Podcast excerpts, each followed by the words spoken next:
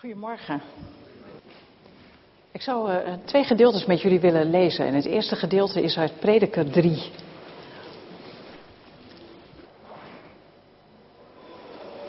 En ik begin gewoon vanaf vers 1, uh, vanaf vers 1 te lezen.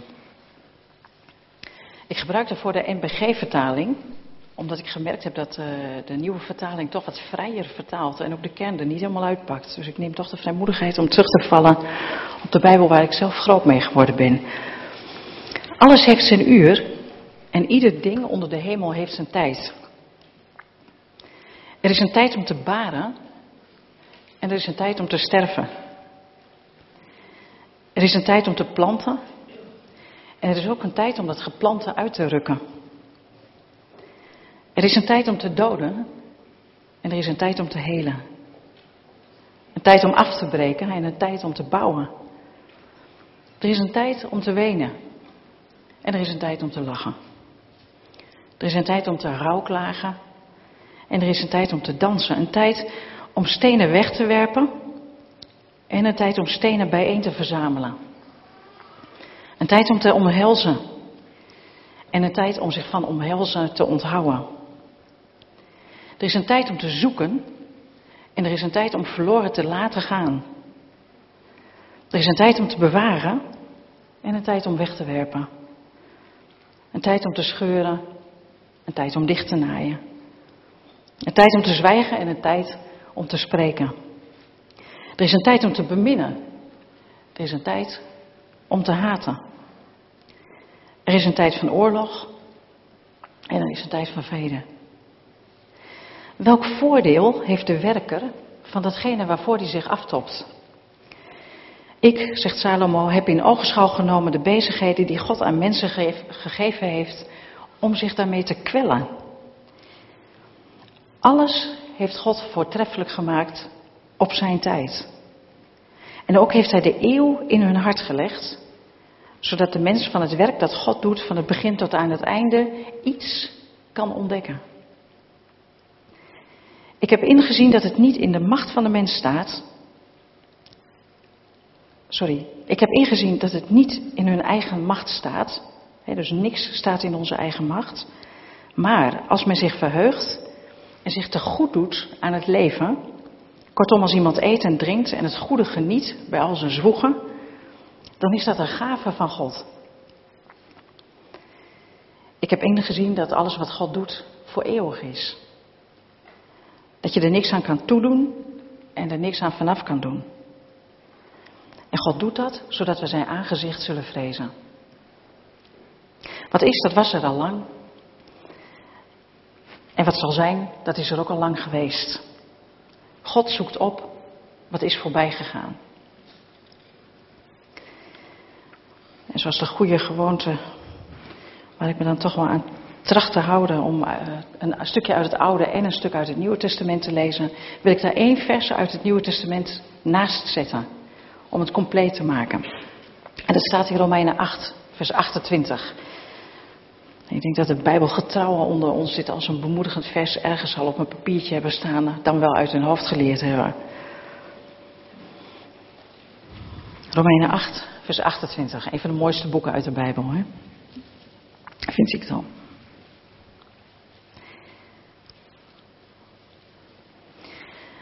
Romeinen 8, vers 28. Wij weten nu dat God alle dingen doet medewerken ten goede voor hen die God liefhebben. En die volgens zijn voornemen geroepen zijn.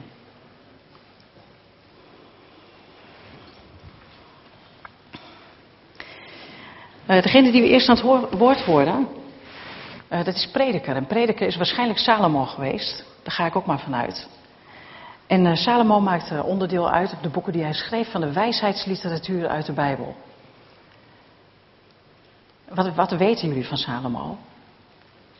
Dit is een echte vraag hoor, dit is geen retorische vraag. Wie is Salomo? Zoon van David. Koning? Ja? De? De meest wijze koning ooit. Ja? Na hem was er geen wijzere koning. En ook de rijkste koning ooit. Hij had 999 vrouwen. Ja, daar moet je als man niet aan denken. Hè?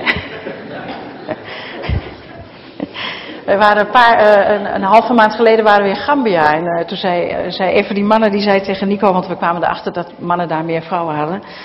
En we vroegen dan meestal ook wel van, hey, ben je getrouwd? En dan zei ze nou, meestal nou, een beetje vaag. En dan, en dan zei ze, one woman is one problem. Two women is two problems. Three women is a lot of children, is many problems. Ja. Het was een man met vele vrouwen, een man die van de geneugten van het leven geproefd had. En de, de man die wij hier treffen in dit gedeelte, wat toch een depri op ons over zou kunnen komen, sterker nog ook komt, uh, is een man die eigenlijk terugkijkt op zijn leven en die de zaken aan het afwegen is. Van ja, waar heb ik nou eigenlijk voor geleefd? En waar Salomo zo mooi begon, hè, degene die de tempel mocht bouwen, uh, degene die, hè, dat mocht David niet, die wilde dat zo graag, die wou zo graag daarmee scoren en dat mocht niet. Kleefde te veel bloed aan zijn handen. En dan zien we de, koning Salomo die zo goed begint in volledig toegewijd zijn aan God, met zijn kop, met zijn hele leven. En die dan eigenlijk door de vrouwen tot allerlei afgoderij uh, overgaat, voor tempels gaat bouwen, afgodendienst gaat doen. En dan ook eigenlijk het, daarmee het verbond met God verspeelt. Nou, die man die kijkt hier terug. In onze tijd hebben we dan mensen zoals Remco Kampert, hè, die, die schrijven het, het leven is verrukkelijk. En wanneer ik dan naar het leven kijk, dan kijk ik, kan ik alleen maar bij mezelf beginnen. En dan zie ik een leven wat eh, een aaneenschakeling is van allerlei activiteiten. Een veelheid daarvan. Van mensen waar ik van hou, mensen die me raken. Uh, mensen die ik uh, tegenkom in het politieke veld, uh, in het therapeutische veld, als trainer, als coach. Ik zie een gezin. Ik zie, en dan kan ik nog wel even doorgaan en dan realiseer ik me dat ik me vaak tekort voel schieten. Omdat in mijn dag nog steeds maar 24 uur zit. En dan heb ik het gevoel dat ik het liever wil dat een dag 48 uur heeft, omdat ik toch 8 uur moet slapen ergens en ook 8 uur aan het werk ben en dan hou ik nog 8 over. En zo zitten we allemaal hier zo ongeveer. En als ik mijn lifetime management trainingen geef, dan hoor ik dat meer mensen daar moeite mee hebben en dat ik niet de enige ben. Ik zie een mix van zaken in mijn leven waar ik voor een deel invloed op heb, maar ook een aantal zaken waar ik totaal geen invloed op heb. En juist die dingen, die lijken mij het meest te raken. Die zaken waar ik merk, ik heb de regie niet. Het leven neemt het over. Statistisch gezien zijn hier nu ook mensen aanwezig die geen idee hebben waar ik het over heb. Die gewoon hun leven heerlijk vullen met hun pc en chillen. En die echt denken, waar doet dat mens moeilijk over? Ze wordt wat ouder. Dat kan. Dan zullen er vandaag een aantal zaken zijn die jou niet aan zullen spreken. Dan weet je dat vast. En misschien heb je je telefoon bij je.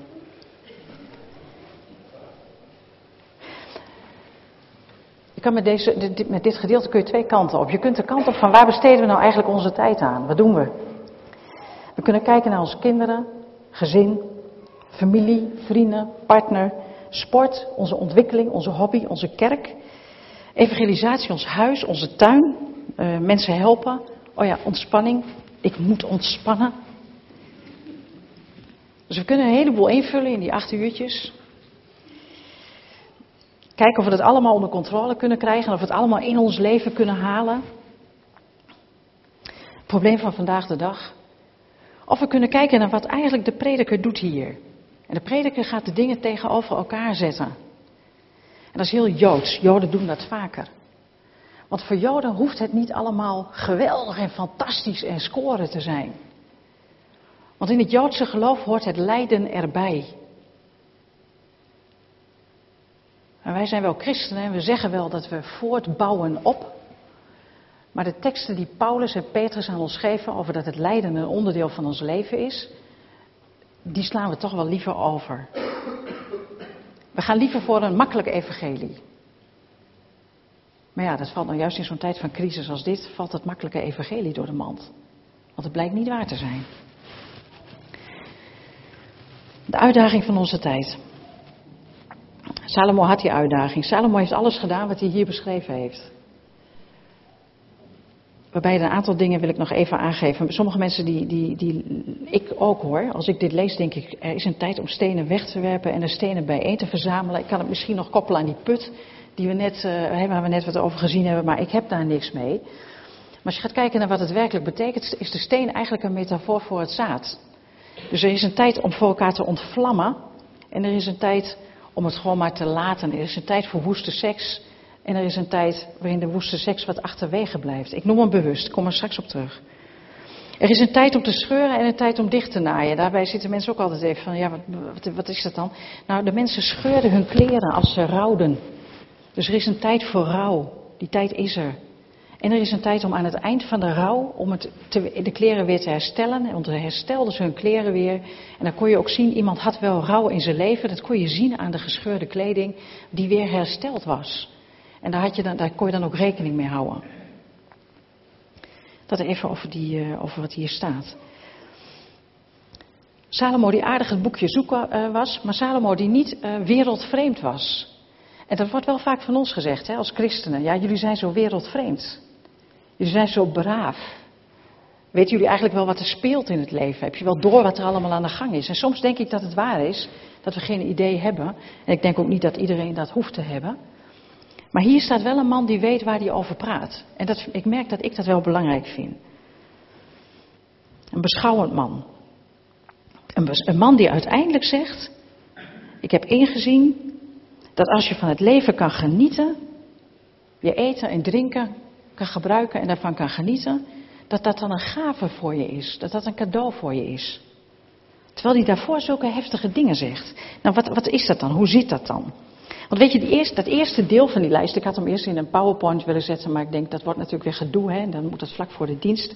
Maar ik heb ze gewoon even op een rijtje gezet. Er is een tijd om. Er is een tijd om te baren, te planten, op te bouwen, te lachen, te dansen, te verzamelen, te omhelzen, voor in liefde voor elkaar te ontvlammen. Uh, er is een tijd om van rouw afscheid te nemen. Er is een tijd om te spreken, te beminnen. Er is een tijd van vrede. Man, daar tekenen we toch voor. Zoals we hier zitten. Dat is toch die heerlijke levensschommel die naar boven gaat en dat je denkt, wow, het kan nooit meer stuk. Het kan nooit meer stuk. Dit is het leven. Ik ben christen, God zegen mij. Geweldig, God zegen mij. Dan zeggen we ja en amen op. Dat is wat wij willen. Dat is ook wat de wereld wil, hè. Die willen horen dat je succesvol bent, dat je het goed doet, dat het geweldig met je gaat, dat je een superpartner bent. En met je kinderen gaat het natuurlijk allemaal goed, niks meer aan de hand, allemaal geweldig. Dat is dit, hè. Salomo had een paar kinderen waar het goed mee afliep. Een paar. Hij kwam trouwens zelf uit een gezin waar incest was. Waar halfbroers elkaar afmaakten. Waar iedereen de troon wilde hebben. Dus hij kwam ook niet echt uit een gezond gezin, hè, zouden wij zeggen. Als je maatschappelijk werker bent, dan zou je daar. kan wel een koning zijn, maar er was toch wel wat meer aan de hand. Maar dit lijstje, dat vinden wij een fantastisch lijstje. Dat is het goede lijstje. Daar moeten we voor gaan. En als hij zegt van dat daar een tijd voor is voor ons, dan zeggen wij daar toch ja en amen op. Amen. En dat willen we ook nog hard roepen ook. Daar gaan wij voor. Betekent wel dat je moet goochelen met je beschikbare tijd. Hè? Want als ik naar het leven van Salomo kijk, wat we daarvan kunnen achterhalen, ook uit de geschiedschrijving, dan was het niet een mannetje die stil zat.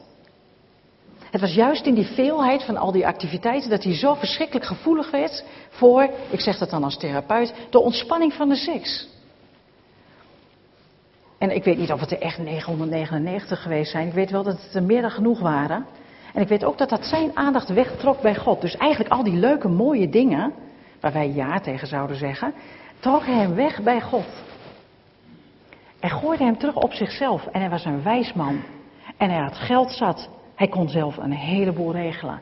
Salomo is eigenlijk een prachtig beeld van de self-made man. Tuurlijk, hij had het van God gekregen. Daar hebben we net ook over gezongen. God geeft, geeft een positie aan je, God geeft het jou. En jij wil daarin wandelen. Ja, natuurlijk. En daarna heeft hij het zelf onder de arm gepakt en is er zelf mee aan de slag gegaan. Maar joh, dat ken ik ook. En jullie misschien niet, maar ik ken dat wel. Moeilijk, lastig. Er komen zoveel leuke dingen. Salomo vond eigenlijk alles leuk. Die kon niet zo goed kiezen. Die vond focussen lastig. Ken je dat? Dan heb je zoveel dingen, dan weet je gewoon bijna niet meer wat je moet doen. En in je omgeving is ook nog iedereen van alles aan het doen. Goh, zit je niet op golf? Nee, ik zit niet op golf. Ik zou niet weten wanneer ik er tijd voor moet maken, joh. En wanneer lees jij een goed boek? En ik zo, dat is lang geleden, dat ik gewoon met een boek in een hoekje heb gezeten. Alleen als ik, als ik mag preken, dan ga ik nog studeren aan een boek. Dus dat is toch ook wat. Dus al die mooie dingen waar je zo druk mee kan zijn en die je tijd volledig vullen, kun je je volledig van God aftrekken. En diezelfde Salomo roept in hetzelfde boek: alle dingen zijn onuitsprekelijk vermoeiend. Alle dingen zijn onuitsprekelijk vermoeiend. Sterker nog, hij schrijft hier dat hij het ziet als iets wat God aan mensen geeft om ons ermee te kwellen. Ja, dat past natuurlijk niet bij mijn evangelisch denken, dus dat ga ik dan proberen te ontzenuwen, maar het staat er echt in het Hebreeuws. Dus dat is hoe hij er tegenaan kijkt. Eigenlijk, God geeft een hele grote wijde wereld aan ons. En wij moeten onze, ja, pick your battles, choose your battles. Wij moeten kijken waar gaan we onze tijd, onze energie, onze aandacht in steken. En dan hebben we volgens mij wel een lichte voorkeur hier voor die eerste lijst van positieve dingen, toch? Of niet? Ja? Oké. Maar goed, dan komt hij op die andere lijst. Er is een tijd om te sterven.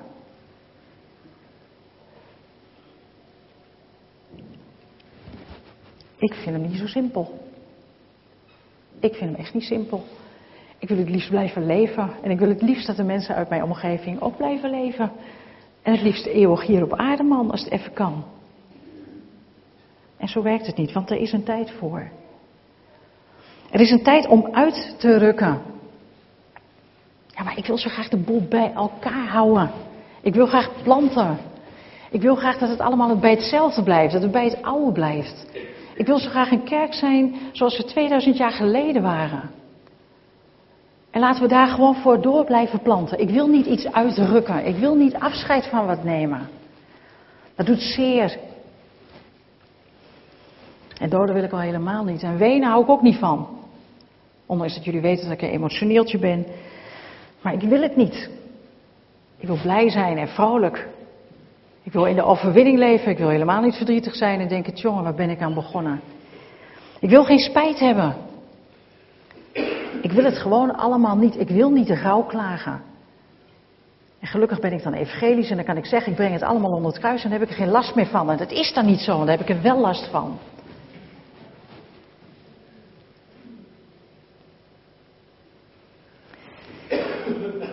In mijn, in mijn praktijk merk, uh, merk, ik, en daar hadden we het even over in de auto, dat juist het feit dat we ons niet bij neer kunnen leggen dat die schommel dus teruggaat naar de andere kant. En dat die andere kant ook bij het leven hoort. Dat dat betekent dat dat mijn klanten zijn. Dat zijn de echtparen die bij me komen en zeggen: joh, er is niks meer aan. Seks is slecht. Eerst wat de man zegt. vrouw zegt: hij kan niet meer met hem praten. Dan denk je: joh, hoe zijn jullie begonnen? Ja, maar we willen het houden zoals het toen was. En hoe oud waren jullie toen dan? Ja. Maar toen was het zo mooi. Ja, toen was het zo mooi. En jullie zijn zelf ook wat. Hè, de tand destijds is er wat overheen gegaan. De prediker is daar ook heel eerlijk over. Hè? Dus je bent niet meer diezelfde als toen je 18, 19, 20 jaar was. Maar je wilt terug. Je wil eigenlijk niet accepteren dat je nu weer verder bent gegroeid en dat er ook wat anders aan de hand is. Ja, dat vinden we lastig. En daarom zoeken we het dan maar buiten de deur. Want daar kunnen we dan nog wel wat steentjes loslaten en kwijt. We houden niet van wegwerpen. We houden ook niet van onthouding. Houden ook niet van. Dat is gewoon niet leuk. We willen alles en we willen het gisteren. Klaar. Ja toch? Dat is echt niet alleen voor de jongeren hoor. Dat is net zo goed voor onze ouderen. We willen alles. En verloren laten gaan, dat is er helemaal niet bij. Liever preken we iemand volledig monddood, dan dat we hem de, de openheid geven om verloren te gaan. Want dat is toch het laatste wat we willen. Als iemand ons tot, tot in het diepst van onze ziel raakt. Als we er met, met onze huid en haar en vezels aan verbonden zijn. Dan laten we toch niet iemand verloren gaan. Jezus deed dat toch ook niet? Ja, Jezus deed dat dus wel. Jezus zei, laat die rijke jongeling maar gaan. Die ziet het niet zitten, het is zijn tijd nog niet. Er is een tijd om verloren te laten gaan. Er is een tijd om te rouwen. Er is een tijd om te zwijgen. Een tijd om te zwijgen betekent eigenlijk dat alles wat je kon zeggen, heb je al gezegd. Maar je wil zo graag die verbinding met die ander. En die ander wil dat niet. Tijd om te zwijgen. Weet je wat dat betekent? Dat betekent loslaten. Dat betekent je verlangens loslaten. Dat betekent een stukje van je hart loslaten. Dat betekent afscheid nemen van prachtige idealen. Dat betekent Het er laten zijn. En eigenlijk vat hij het samen. Er is een tijd van vrede en een tijd van oorlog. Niet in de zin van dat het vrede en oorlog ook tegen elkaar, tegenover elkaar staan. Dit staan ze natuurlijk. Maar eigenlijk die, al die mooie woorden zijn woorden die horen bij vrede. En al die akelige woorden die horen allemaal bij oorlog. De strijd in jezelf, de strijd met de ander. Maar ook je worsteling, mijn worsteling met God. En de prediker zegt, en het mag er zijn. Geen vroom, drogerige, ik moet even netjes op mijn taal letten. Geen vrome praatjes over dat het allemaal wel goed komt. Geen vrome praatjes dat dit Gods wil was. Geen vrome praatjes, alleen een acceptatie van dit is het leven. In al zijn absurditeit. Prachtige dingen in je leven. Ik denk dat als je met je buurman of buurvrouw zou gaan uitwisselen, dat je prachtige dingen in je leven kan aanwijzen. En ik denk dat je verschrikkelijke dingen kan aanwijzen. Die ook deel uitmaken van je leven, waar we het liefst in een boogje omheen willen, maar waarvan prediker zegt, het hoort erbij. Daar is een tijd voor mensen. Laat het er zijn. Ja, maar. Nee, geen glorie, halleluja. Het verdriet is er, de pijn is er en dat mag. Het hoort erbij. Betekent dus ook geen makkelijke antwoorden meer voor jezelf, die toch niet werken. En ook geen makkelijke antwoorden meer naar de ander die aan het lijden is. Want dat is vaak het moment waarvan ik denk, laten we nu maar zwijgen. Want de simpelkippen antwoorden, die hebben hier alleen maar nare gevolgen.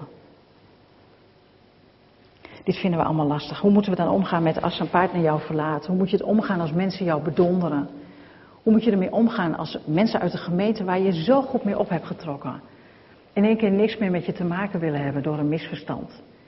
Wat moet je doen als er allerlei onrecht gebeurt en je merkt, ik heb het niet in mijn klauwen, ik kan het niet veranderen? Wat moet je dan doen?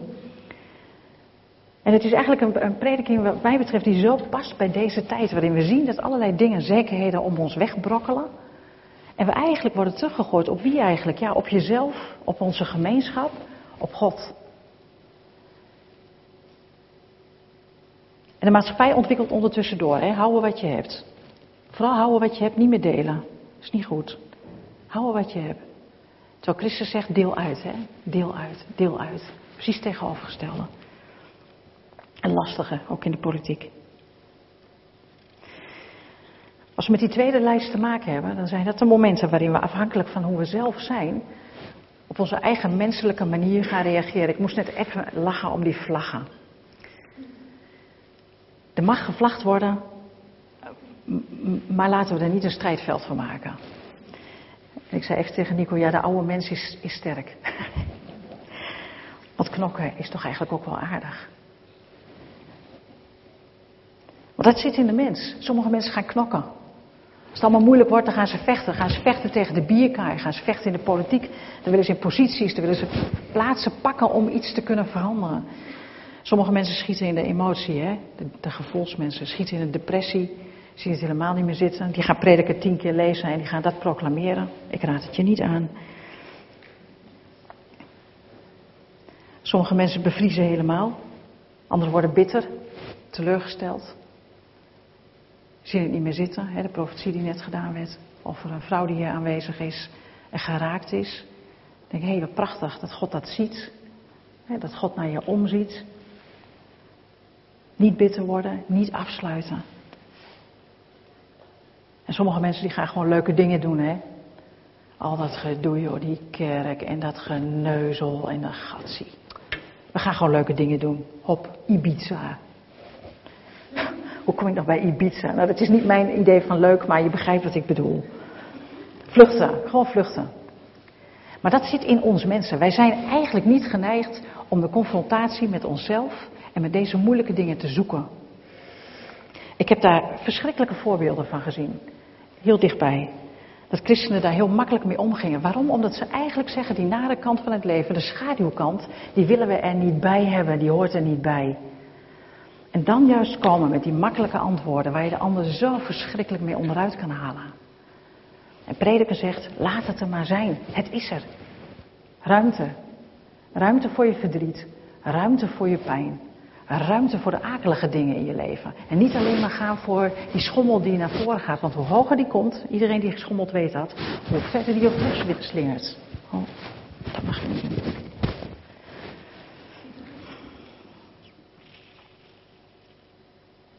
Eigenlijk willen we het liefst een goede redenatie hebben voor alles wat ons overkomt in het leven. Want dan klopt het weer. Hè? We willen het graag kloppend maken. En prediker houdt ons een andere weg voor. Prediker zegt gewoon, joh, het is er. Het mooie en het akelige, het is er allebei. Het mag er allebei zijn. Nou, dat vraagt wat van je hoor. Dat vraagt ook wat van mij, dat vraagt ook wat van jou. Anders zou ik hem hier niet preken, die preek. Het vraagt een hele andere houding. Het vraagt voor mij dat ik besluit dat ik God blijf vertrouwen, ook al snap ik er geen barst meer van. Ook al vind ik het absurd, ook al heb ik geen antwoorden, en moet ik gewoon maar zeggen, hier, hier ben ik. Wat we net zongen, hè? Hier ben ik, hier sta ik. En kom maar met uw geest, want wie ben ik zonder u? Toen ik uh, gisteren aan het voorbereiden was, uh, las ik een artikel in de krant van een theoloog uh, die een boek heeft geschreven over de twijfels die hij had tijdens zijn theologische studie.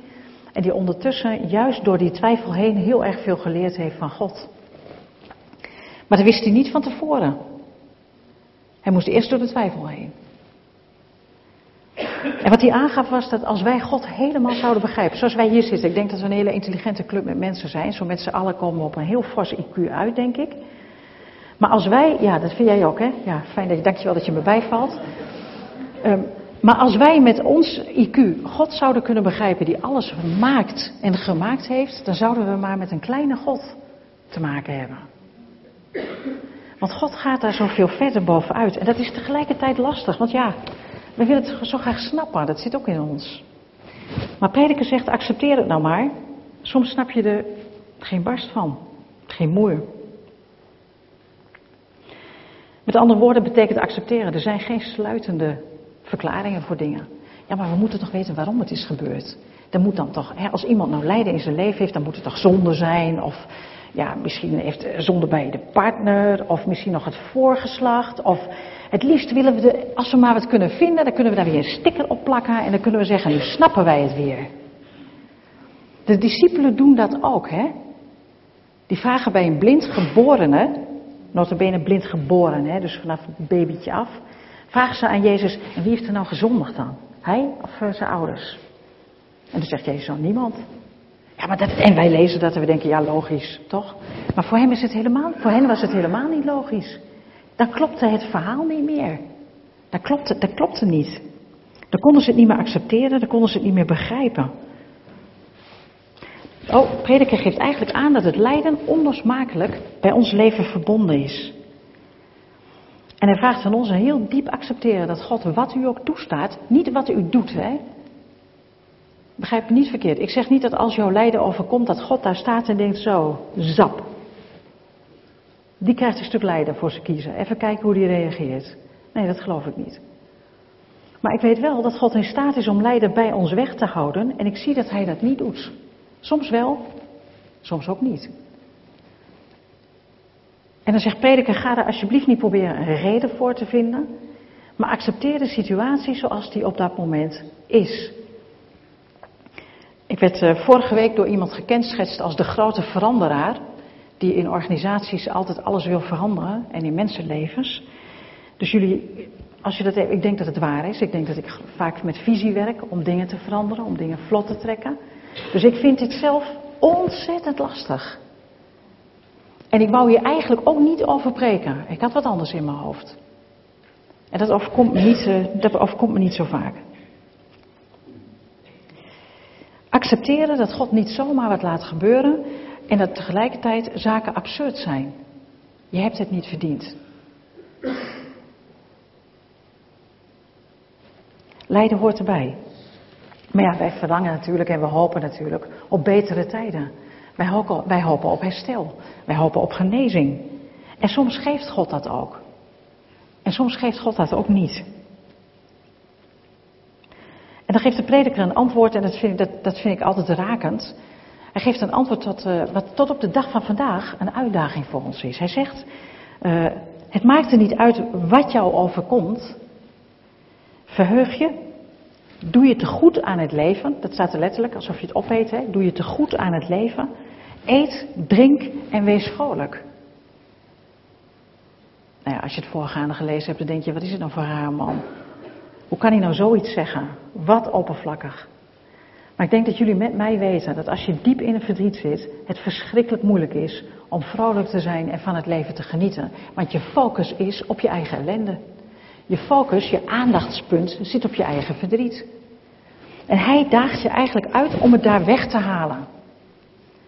Want dit eten en drinken en van het leven genieten kan alleen maar wanneer we in volledige overgave aan God leven. Betekent focussen. Het prediken daagt ons uit om te focussen. Niet op onszelf. Ook niet op je capaciteiten om er wat aan te doen. Ook niet op de gemeente, hè? Want wat kun je daar teleurgesteld in worden? Dat je dacht dat de gemeente het wel met jou zou gaan en dan zijn ze er niet als je ze nodig hebt. Maar dat staat hier niet. Er staat niet focus daar. Nee, er staat focus op hoe God het aan jou gegeven heeft. Geniet daarvan, dat is een gave. Iemand vroeg aan mij, wat is nou focus dan? En toen heb ik het als volgt gedefinieerd. Voor mij is uh, focussen is het lef. Focussen is lef om mensen en zaken los te laten. Focussen is het lef om mensen en zaken los te laten. Niet zo, tok, van laat maar vallen, maar zo. het lef om zaken los te laten. En dan breng ik ze bij de enige die er wel wat mee kan. En weet ook, dan is het in goede handen. Focussen is gaan voor God dwars door alles heen. In vertrouwen en genietend van wat er wel is. En dat, telt, dat tilt jou en mij boven de materie uit. Dat tilt jou en mij boven de situatie uit. Dat, dat tilt je uit op het alleen maar in die spiraal van verdriet zitten en pijn of bitterheid. En het laat je een andere uitweg zien, een uitweg naar vrijheid. Maar ja, hoe ziet het er dan uit? want dan krijgen we die tekst, alles zal medewerken ten goede. En daar stoppen de meeste kaartjes, maar er staat nog wat achteraan. Ik vind het wel belangrijk. Alles zal medewerken ten goede. Voor hen die God liefhebben en die volgens zijn voornemen geroepen zijn. Ik geloof dat wij hier zitten met mensen die geroepen zijn. En als je dat nog niet weet, dan moet je misschien met iemand gaan praten achteraf. We zijn geroepen, we geloven in God, we hebben Hem lief. En dan zal Hij alles wat ons overkomt laten medewerken ten goede. Maar ik weet niet hoe het eruit ziet. Ik weet wel dat hier vanuit prediker gezegd wordt: geniet van wat je wel hebt. Geniet in het leven van wat je wel hebt. Ja, maar mijn man die doet niet meer. Ja, en wat doet hij nog wel? Geniet van wat je wel hebt. Ja, maar de kerk is. Ja, geniet van wat je wel hebt. Ja, maar mijn kinderen. Ja, en geniet van wat je wel hebt. Dat is God eren, hè? Want dat staat hier, zodat de vrezen des Heer? Dan gaat het om dat we uiteindelijk God eren, dwars door alles heen. Dat betekent God zien als het ons heel goed gaat, want dat is raar hè, als het ons heel goed gaat, dan hebben we het ook zelf gedaan vaak.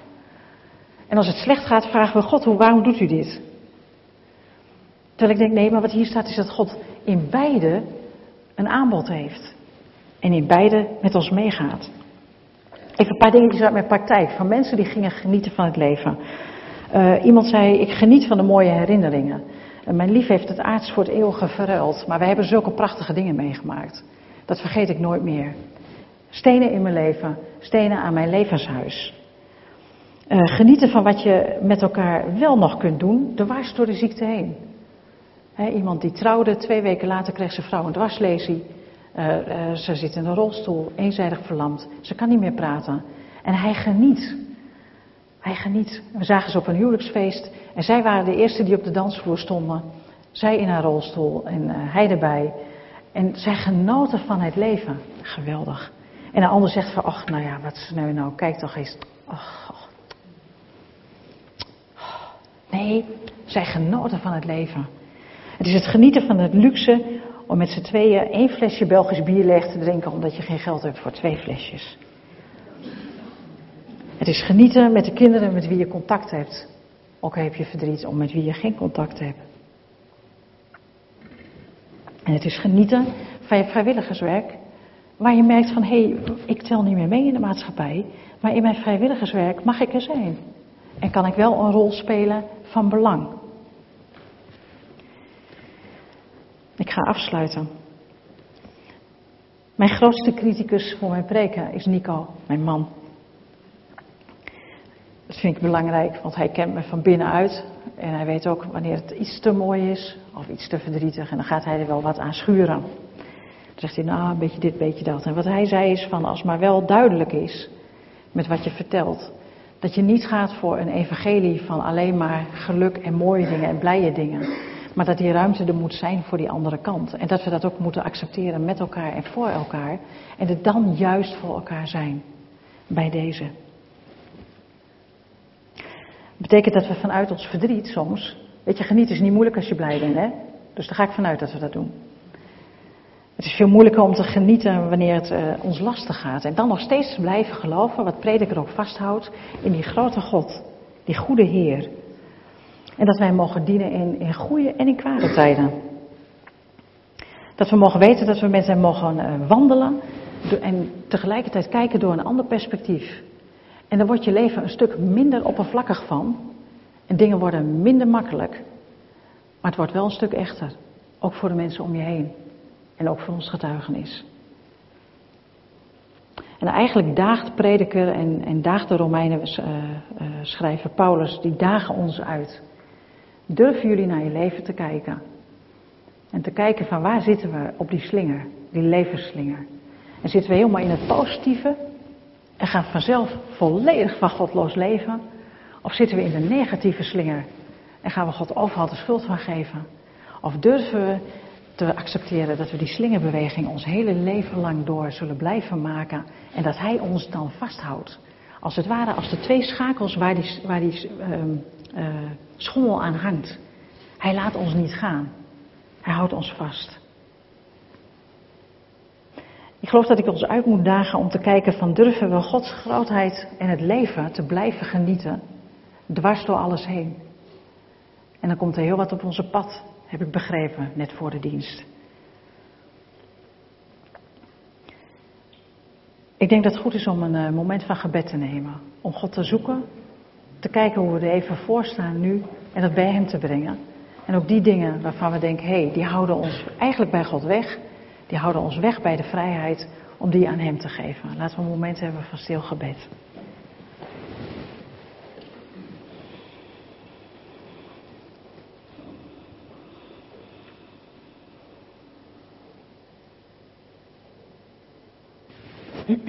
Heer, wat geeft u ons veel? Zoveel in ons leven. En tegelijkertijd realiseren we ons dat u degene bent die zegt, uh, kom maar tot mij. Mijn juk is, uh, is zacht, mijn last is licht. Ik ga je rust geven. We strekken ons naar u uit. U hebt het wel gehoord wat we bij u hebben gebracht. En wat we ook bij u willen laten. En dan is het mooi, Heer, dat we mogen weten dat als wij hier straks de deur uitgaan, dat we mogen weten dat u met ons bent. Dat u ons zegent. Dat u ons behoedt. Dat u ons beschermt. Dat u naar ons kijkt vol liefde. En ons nooit alleen laat en nooit loslaat. Dat u, zoals u dat zegt, eh, onze ingang en onze uitgang zal bewaren. Met ons meegaat ergens naar binnen en met ons meegaat ergens naar buiten. Dat u uw hand over ons hebt opgeheven. Uw machtige rechterhand om ons te zegenen. Dank u wel daarvoor. Amen.